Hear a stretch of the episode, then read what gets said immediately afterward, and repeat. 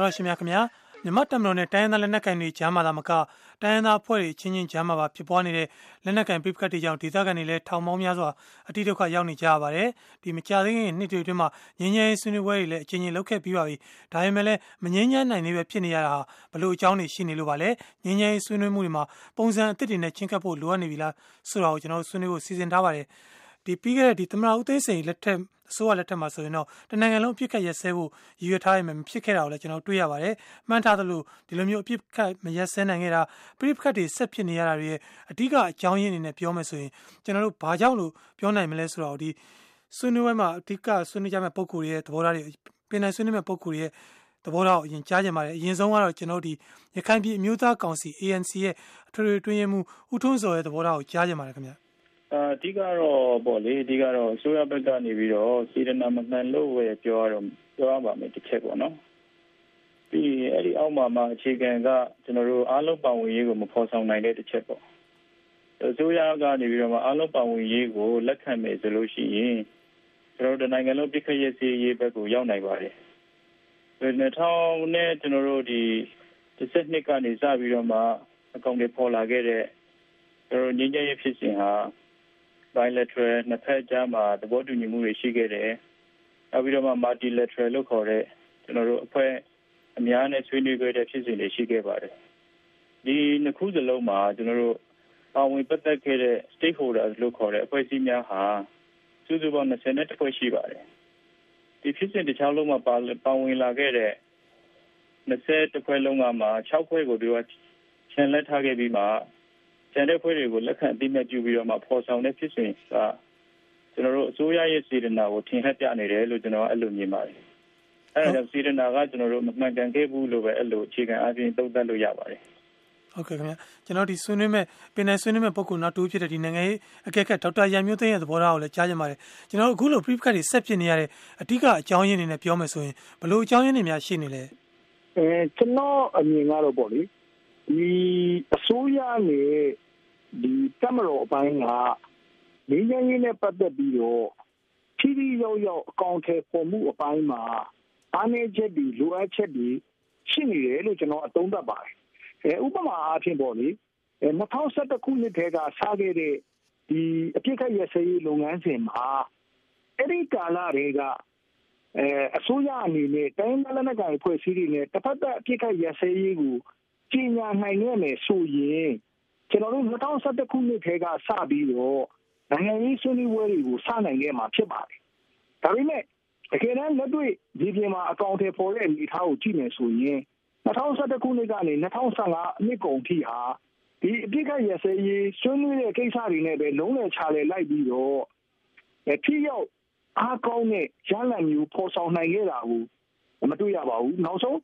ဒီတနိုင်ငံလုံးအပြစ်ခတ်ရစဲစာချုပ်ကိုလက်မှတ်ထိုးတဲ့နေရာမှာလည်းအားလုံးပါဝင်တဲ့လက်မှတ်ထိုးမှုမဖြစ်ခဲ့ပါဘူး။ဒါပေမဲ့အဲ့လက်မှတ်အားလုံးပါဝင်တဲ့လက်မှတ်ထိုးမှုမဖြစ်ခဲ့တဲ့ဂျားတွေကနေပြီးတော့ဒီအားလုံးပါဝင်မှုမရှိတဲ့ NCA ပေါ်မှာအခြေခံပြီးတော့ပြည်တော်စုငင်းငင်းညီလာခံကိုဆက်ပြီးလုပ်ခဲ့တာဟာဒါတကယ်တမ်းကတကယ်စစ်မှန်ပြီးအားကောင်းတဲ့ပြည်ရင်းငင်းငင်းလုပ်ငန်းစဉ်တရက်ကိုထိခိုက်အားရော့စေခဲ့တယ်လို့ကျွန်တော်အသုံးသပ်ပါတယ် ဟုတ်ကဲ့ခင်ဗျဆိုလိုတာဒီလုတ်တဲ့ကိုင်းတဲ့ဒီနီးနာပိုင်းမှာလည်းအားနည်းချက်တွေရှိရဆိုတဲ့သဘောမျိုးပေါ့နော်နောက်တစ်ခုရှိတာကျွန်တော်အခုဒီ UNFC ရဲ့ဒီညီညွတ်သောတိုင်းသားလူမျိုးများဖက်ဒရယ်ကောင်စီ UNFC ရဲ့21ရက်နေ့ရဲ့ကြေညာချက်ထဲမှာတစ်ခုကျွန်တော်တို့တွေ့တာ ဒီပြီးခဲ့တဲ့ပေါ်လေအကုန်လုံးအပြေးအဝလက်မှတ်မထိုးပြခဲ့တဲ့ဒီ NCA နဲ့ပတ်သက်ပြီးသူတို့ဖော်ပြထားတာတခုရှိပါတယ်။ NCA ဒီလက်ရှိအစိုးရနဲ့တက်မတော်ကစီးရင်နိုင်ငံရေးလက်နက်တစ်ခုလိုတုံးနေတယ်တဲ့။တိုင်းရင်းသားတွေကြားမှာသွေးခွဲအနိုင်ယူတဲ့မဟာဗျူဟာကျင့်သုံးနေတယ်ဆိုပြီးတော့သူတို့ကဖော်ပြထားတာတွေ့ရပါတယ်။ဒီလိုမျိုးတစ်ဖက်နဲ့တစ်ဖက်ကြားမှာယုံကြည်မှုကအခုချိန်ထိဟိုမတီဆောက်နိုင်သေးတဲ့အရေးလက္ခဏာတွေတွေ့နေရပါတယ်ဆိုတော့ဒီလိုပြဿနာတွေကြော်လွှားဖို့ဆိုရင်ဒီငင်းငယ်ရေးဆွေးနွေးမှုတွေကဟိုပုံစံသစ်နဲ့ချင်းကပ်ဖို့လိုနေပြီလားကျွန်တော်တို့နီးနာအစ်စ်တွေလိုနေပြီလား ဟိုဦးထွန်းစော်ရဲ့သဘောထားကိုဆွေးနွေးပြပါဦးခင်ဗျဟုတ်ကဲ့အဓိကတော့ကျွန်တော်ခုနပြောသလိုမျိုးပေါ့လေအဓိကဆန္ဒအရေးကြီးပါတယ်တကယ်ငြင်းချမ်းလို့တဲ့ဆန္ဒရှိရင်ခုနပါဝင်ပတ်သက်နေသူတွေနဲ့ကျွန်တော်တို့ပါဝင်ခွင့်ရအောင်လုပ်ဖို့လိုပါတယ်အဲ့ဒီတော့မှပဲကျွန်တော်တို့အားလုံးပါဝင်တဲ့ဖြစ်စဉ်အခြေခံအောက်ကနေပြီးတော့မှတကယ်စစ်မှန်တဲ့ငြိမ်းချမ်းရေးပေါ်ဆောင်မှုစီကိုရောက်မှာဖြစ်ပါတယ်အခုကကျွန်တော်တို့ရှိနေတဲ့အနေအထားတဝက်တစ်ပြက်ငြိမ်းချမ်းရေးပေါ့ဗျာ ဒါဒါကဘာလဲဆိုတော့ကျွန်တော်တို့လုံခဲ့တဲ့နှစ်20ကျော်ကာလအခြေအနေပေါ့1990ကျော်ကာလမှာပြည်ခရဲစီးတွေလုပ်ခဲ့တယ်တစ်ဖက်မှာလည်းပဲတိုက်ပွဲတွေဖြစ်နေတယ်အခုအဲ့ဒါရဲ့ပြောင်းပြန်ပေါ့ဗျာဒီတိုင်းပဲတန်တရားလေတာပါပဲတော့မြောက်ပိုင်းကိုကျွန်တော်တို့ကရက်ထားတဲ့အချိန်မှာတောင်ပိုင်းကိုထိုးစစ်ဆင်တယ်အခုတောင်ပိုင်းကိုရက်ထားတဲ့အချိန်မှာမြောက်ပိုင်းကိုထိုးစစ်ဆင်တယ်ဆိုဒီလိုမျိုးလုံနီးလုံဟန်ကစီးရေးမဟာဗျူဟာပေါ့နော် စီးရေးရကျွန်တော်တို့လိုအပ်တယ်လို့အသုံးပြုသုံးချနေတယ်လို့ကျွန်တော်တို့မြင်ပါတယ်ငင်းချမ်းရေးကိုနိုင်ငံရေးလက်နက်တစ်ဖွဲ့အသုံးချသွားတယ်လို့ကျွန်တော်တို့ကတော့အဲ့လိုမျိုးသုံးသပ်ပါတယ်ဟုတ်ကဲ့ကျေးဇူးပါကျွန်တော်ကိုရံမျိုးသိအမြင်လဲကြားချင်ပါတယ်အခုဆိုရင် NLD ဥဆောင်တဲ့အစိုးရတွေလည်းတက်လာတော့မှဆိုတော့ဒီငင်းငယ်ဆွေးနွေးပွဲအခင်းအကျင်းတွေမှာဘလို့အပြောင်းလဲတွေလုပ်ဖို့လိုမလဲဥရတဲ့အနေနဲ့လွန်ခဲ့တဲ့9နှစ်နီးပါးကာလပေါ့လေ အစိုးရကပေါ်ဆောင်ခဲ့တဲ့ငင်းငယ်လုပ်ငန်းစဉ်ကြီးတစ်ခုလုံးကိုစနစ်တကျပြန်သုံးသပ်ဖို့လိုအပ်တယ်လို့မြင်ပါတယ်နောက်အားနည်းချက်တွေအားသာချက်တွေကိုစနစ်တကျပေါ်ထုတ်နိုင်မှုလိုအပ်ပါတယ်နောက်ပြီးတော့ NLD အစိုးရအဖွဲ့အနေနဲ့လာမယ့်9နှစ်တာပြည်တွင်းငင်းငယ်ရေးလုပ်ငန်းစဉ်ကိုပြီးကြစီမံချက်ပြီးကြလုပ်ငန်းစဉ်ချမှတ်ပြီးတော့စနစ်တကျချင်းကပ်ဆောင်ရွက်ဖို့လိုအပ်တယ်လို့မြင်ပါတယ် ဟုတ်ကဲ့ခင်ဗျကျွန်တော်ဒီဆွေးနွေးပွဲအတွက်ကိုပါဝင်မှုကျွန်တော်တို့ဆက်သွယ်ထားတဲ့ပုံကိုယ်တွေလည်းရှိနေပါတယ်ကိုစလိုင်းပွေကုန်းရဲ့သဘောထားဆွေးနွေးလို့ရပါတယ်ခင်ဗျဟုတ်ကဲ့ပထမဦးဆုံးကျွန်တော်ဒီတိုင်းရင်းသားလေးနေကန်ရေးအကြောင်းကိုနည်းနည်းဟိုဝေဖန်နေဆိုရင်တော့အခုလက်ရှိသူတို့တွားနေတဲ့ကိစ္စကအရင်တုန်းကလက်နဲ့ပါကြောင့်ကန်ရတယ်လေဆိုတော့မူလရည်ရွယ်ချက်ကိုသူတို့အော်မိနေပြီလားလို့အဲ့လိုပဲမိနေ။ဘာကြောင့်လဲဆိုတော့သူတို့ Federal ပြည်ထောင်စုကိုသူတို့လူချင်းလို့အာ တချို့ကပြောတယ်။နောက်တစ်ခုကတော့အဓိကကျတော့ဒီရှစ်အာနာစင်တဲ့ဟောတဲ့အတွက်သူတို့လက်နဲ့ကင်တယ်လို့အဓိကတော့ကျွန်တော်တို့မြင်နေ။ဆိုတော့ပြည်သူတွေနဲ့တသားတည်းဖြစ်ဖို့ပြည်သူကိုစားပြုဖို့တော့ပုံမပြီးမှအာလိုအပ်နေသူတို့လည်းစူးစမ်းတင်တယ်။နောက်ဒီအစိုးရနဲ့တက်မလို့ဖရလည်းပဲအခုလေးစီတွားနေတဲ့ဆွေးနွေးတဲ့ပုံစံနဲ့တော့အဆင်ပြေမှာမဟုတ်ဘူး။တိုက်ဆိုင်အာကာချုပ်ရောနောက် NLD ကသမရဖြစ်လာနေသူတို့စုရဲသမရဖြစ်ဖြစ်သူတို့ကတိုက်တိုက်ဆွေးနွေးပြီးတော့မှဥဥ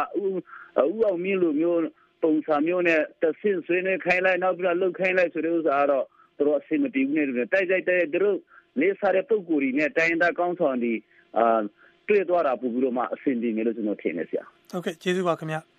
ကျွန်တော်တို့တခုရှိတာကိုတက်တိုက်ဆန်ဆန်ပေါ့လေမနေ့တုန်းကပဲဒီကာကွယ်ရေးဦးစီးချုပ်ဗိုလ်ချုပ်မှုကြီးမင်းအောင်လှိုင်က ကလော့စီဦးစီးတက္ကသိုလ်မှာမင်းကုန်းထဲမှာပြောသွားတာတခုရှိပါတယ်။တန်းသားလက်နက်ကန်ပြိပခတ်ကိုမဖြစ်မနေဖြစ်ရှင်းရမယ်လို့ပြောပါတယ်။ဒါပေမဲ့လက်နက်စွဲကင်ပြီးဒီမိုကရေစီဖော်ဆောင်လို့မရနိုင်ဘူး။ဒီမိုကရေစီစနစ်ကိုလက်ခံနေဆိုရင်လက်နက်စွန့်ပြီးတရားဥပဒေနဲ့ညီလူကျင်တာကိုတောင်းအပ်လိမ့်မယ်ဆိုပြီးပြောသွားပါတယ်။ဆိုတော့ဟိုဒီဒီတက်မလို့ရဲ့ဒီရက်တီချက်ကတိုင်းရင်းသားတွေဘက်ကဟိုလက်ခံနိုင်စရာရက်တီချက်မျိုးဖြစ်နိုင်မှာမလားဦးထွန်းစော်ရဲ့သဘောထားဆွေးနွေးပြပါအောင်ခင်ဗျ။ဟုတ်ကဲ့အဲ့ဒါ ကာကွယ်ရေးဦးစီးချုပ်ကအမြဲတမ်းပြောနေတဲ့ကိစ္စပဲလေသူ့ရဲ့ဟောပေါ့ဒီငင်းကျင်းနဲ့ပတ်သက်ပြီးတော့မူဝါဒ6ရက်ချထားတာရှိတယ်အဲ့ဒီမူဝါဒ6ရက်ကိုသူတို့ရဲ့မြန်မာဒီအစိုးရရဲ့အာဘော်တွေမှာအမြဲတမ်းဖော်ပြပါတယ်သူတို့ပြင်မြဝတီမှာဆိုလို့ရှိရင်သူကမြဝတီသတင်းစာမှာအမြဲတမ်းဖော်ပြနေပါတယ်အဲ့ဒီ6ချက်တွေကနောက်ဆုံး2ချက်ကိုကြည့်လိုက်ပါနောက်ဆုံးတစ်ချက်ကနံပါတ်5အချက်အနေနဲ့ဗာပြောလဲဆိုတော့ဒီစေဥပဒေကိုလိုက်နာရမယ်လို့ပြောပါတယ် နံပါတ်6နောက်ဆုံးတစ်ချက်ကဗာပြောလဲဆိုတော့2008ဖွဲ့စည်းပုံအခြေခံဥပဒေကိုလိုက်ပါဆောင်ရွက်ရမယ်လို့ပြောပါတယ်ဆိုဒါကတော့သူ့ရဲ့ပြောနေကြစကားသူ့ရဲ့ယက်တီချက်ဖြစ်ပါတယ်အဲဒါကြောင့်အဲ့ဒီအပေါ်မှာတရေတရက်နေသမျှကာလပတ်လုံးကတော့ကျွန်တော်တို့ကြီးချင်းရဖို့အတွက်လမ်းဝေးနေအောင်ပါပါဘာဖြစ်လို့ဆိုတော့ကျွန်တော်တို့လိုချင်တာကစစ်မှန်တဲ့ဖက်ဒရယ်ပြည်ထောင်စုဖြစ်ပါတယ်စစ်မှန်တဲ့ဖက်ဒရယ်ပြည်ထောင်စုကို2008ဖွဲ့စည်းပုံအခြေခံဥပဒေပေါင်းအောက်မှာဖော်ဆောင်လို့မရပါဘူးအဲဒါကြောင့်2008ဖွဲ့စည်းပုံကိုပြင်ဆင်လို့စိတ်မရှိဘဲနဲ့2008 ဖွဲ့စည်းပုံပေါင်းအောက်ကိုပဲအတင်းဆွဲသွင်းနေတဲ့ပုံစံကကျွန်တော်တို့ငြိမ်းချမ်းရေးကိုဥတည်တဲ့လုံနေလုံဟန်မဟုတ်ပါဘူးအဲဒါကြောင့်ဒီကာကွယ်ရေးဦးစီးချုပ်ရဲ့နောက်ငြိမ်းချမ်းရေးနဲ့ပတ်သက်တဲ့မူဝါဒထဲမှာ6ချက်တည်းကအဲ့ဒီနောက်ဆုံး2ချက်ကိုသူတို့ပြင်ဆင်ဖို့လိုပါတယ်အဲဒါကြောင့်ကျွန်တော်တို့တိုင်းပြည်အခြေခံပြဿနာကဖွဲ့စည်းပုံအခြေခံဥပဒေဆိုင်ရာပြဿနာပါအဲဒါကြောင့်တိုင်းပြည်အခြေခံဖွဲ့စည်းပုံအခြေခံဥပဒေကိုကျွန်တော်တို့ပြင်မယ်အသိရေးမယ်စသဖြင့်ပေါ့ ဒီလိုမျိုးလိုလားတဲ့စိတ်ဆန္ဒ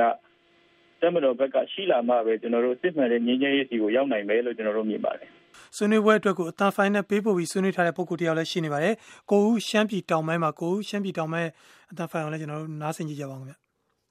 ဟုတ်ကဲ့မင်္ဂလာပါကျွန်တော်ကိုဦးပါအခုလက်ရှိပေါ့နော်တက်မတော်နဲ့ထိတ်တိုက်မဟုတ်ဘဲနဲ့လက်နက်ကန်ချင်းချင်းပြန်တိုက်နေတဲ့ဖြစ်စဉ်တွေရယ်ဟို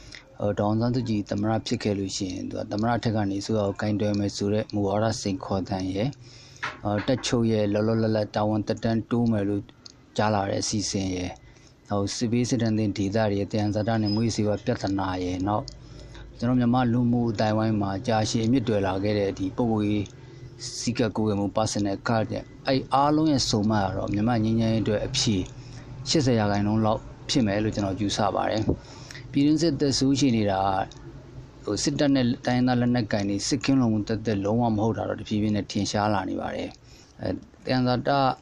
ဒီမူရစီဝါတွေအနှောင်ဖွဲ့မပါခဲ့တဲ့ဘကဘာစစ်တပ်ကိုအတောင့်အတင်းဆုံးအခမ်းသူဖြစ်ခဲ့ပြီးမြဲနိုင်ငံရေးစစ်မျက်နှာမှာကြာဆုံးပြီးသွားတဲ့နောက်မှာတော့ပြိုကွဲခဲ့ရတာလေထင်ရှားတဲ့သက်သေတစ်ခုဖြစ်ပါတယ်ကျွန်တော်ဆိုလိုချင်တာကတော့ဒီစစ်တပ်နဲ့မဟုတ်ဘဲနဲ့လက်နက်ကန်ချင်းချင်းပြန်တိုက်နေတာကိုကြည့်ရင်တက်ရဲ့ရန်လုံမှုကြောင့်တက်တက်ပြည်တွင်းစစ်ရှိနေတာမဟုတ်တော့ဘူးလို့ ယူဆနိုင်ပါတယ်အဲဒေါန်ဆန်းစုကြည်ရဲ့သမရအထက်ကဆိုတဲ့မူဝါဒလည်းတကယ်ရှင်းသန်လာပြီဆိုလို့ရှိရင်စီရေးဆရာမှာလည်းပဲ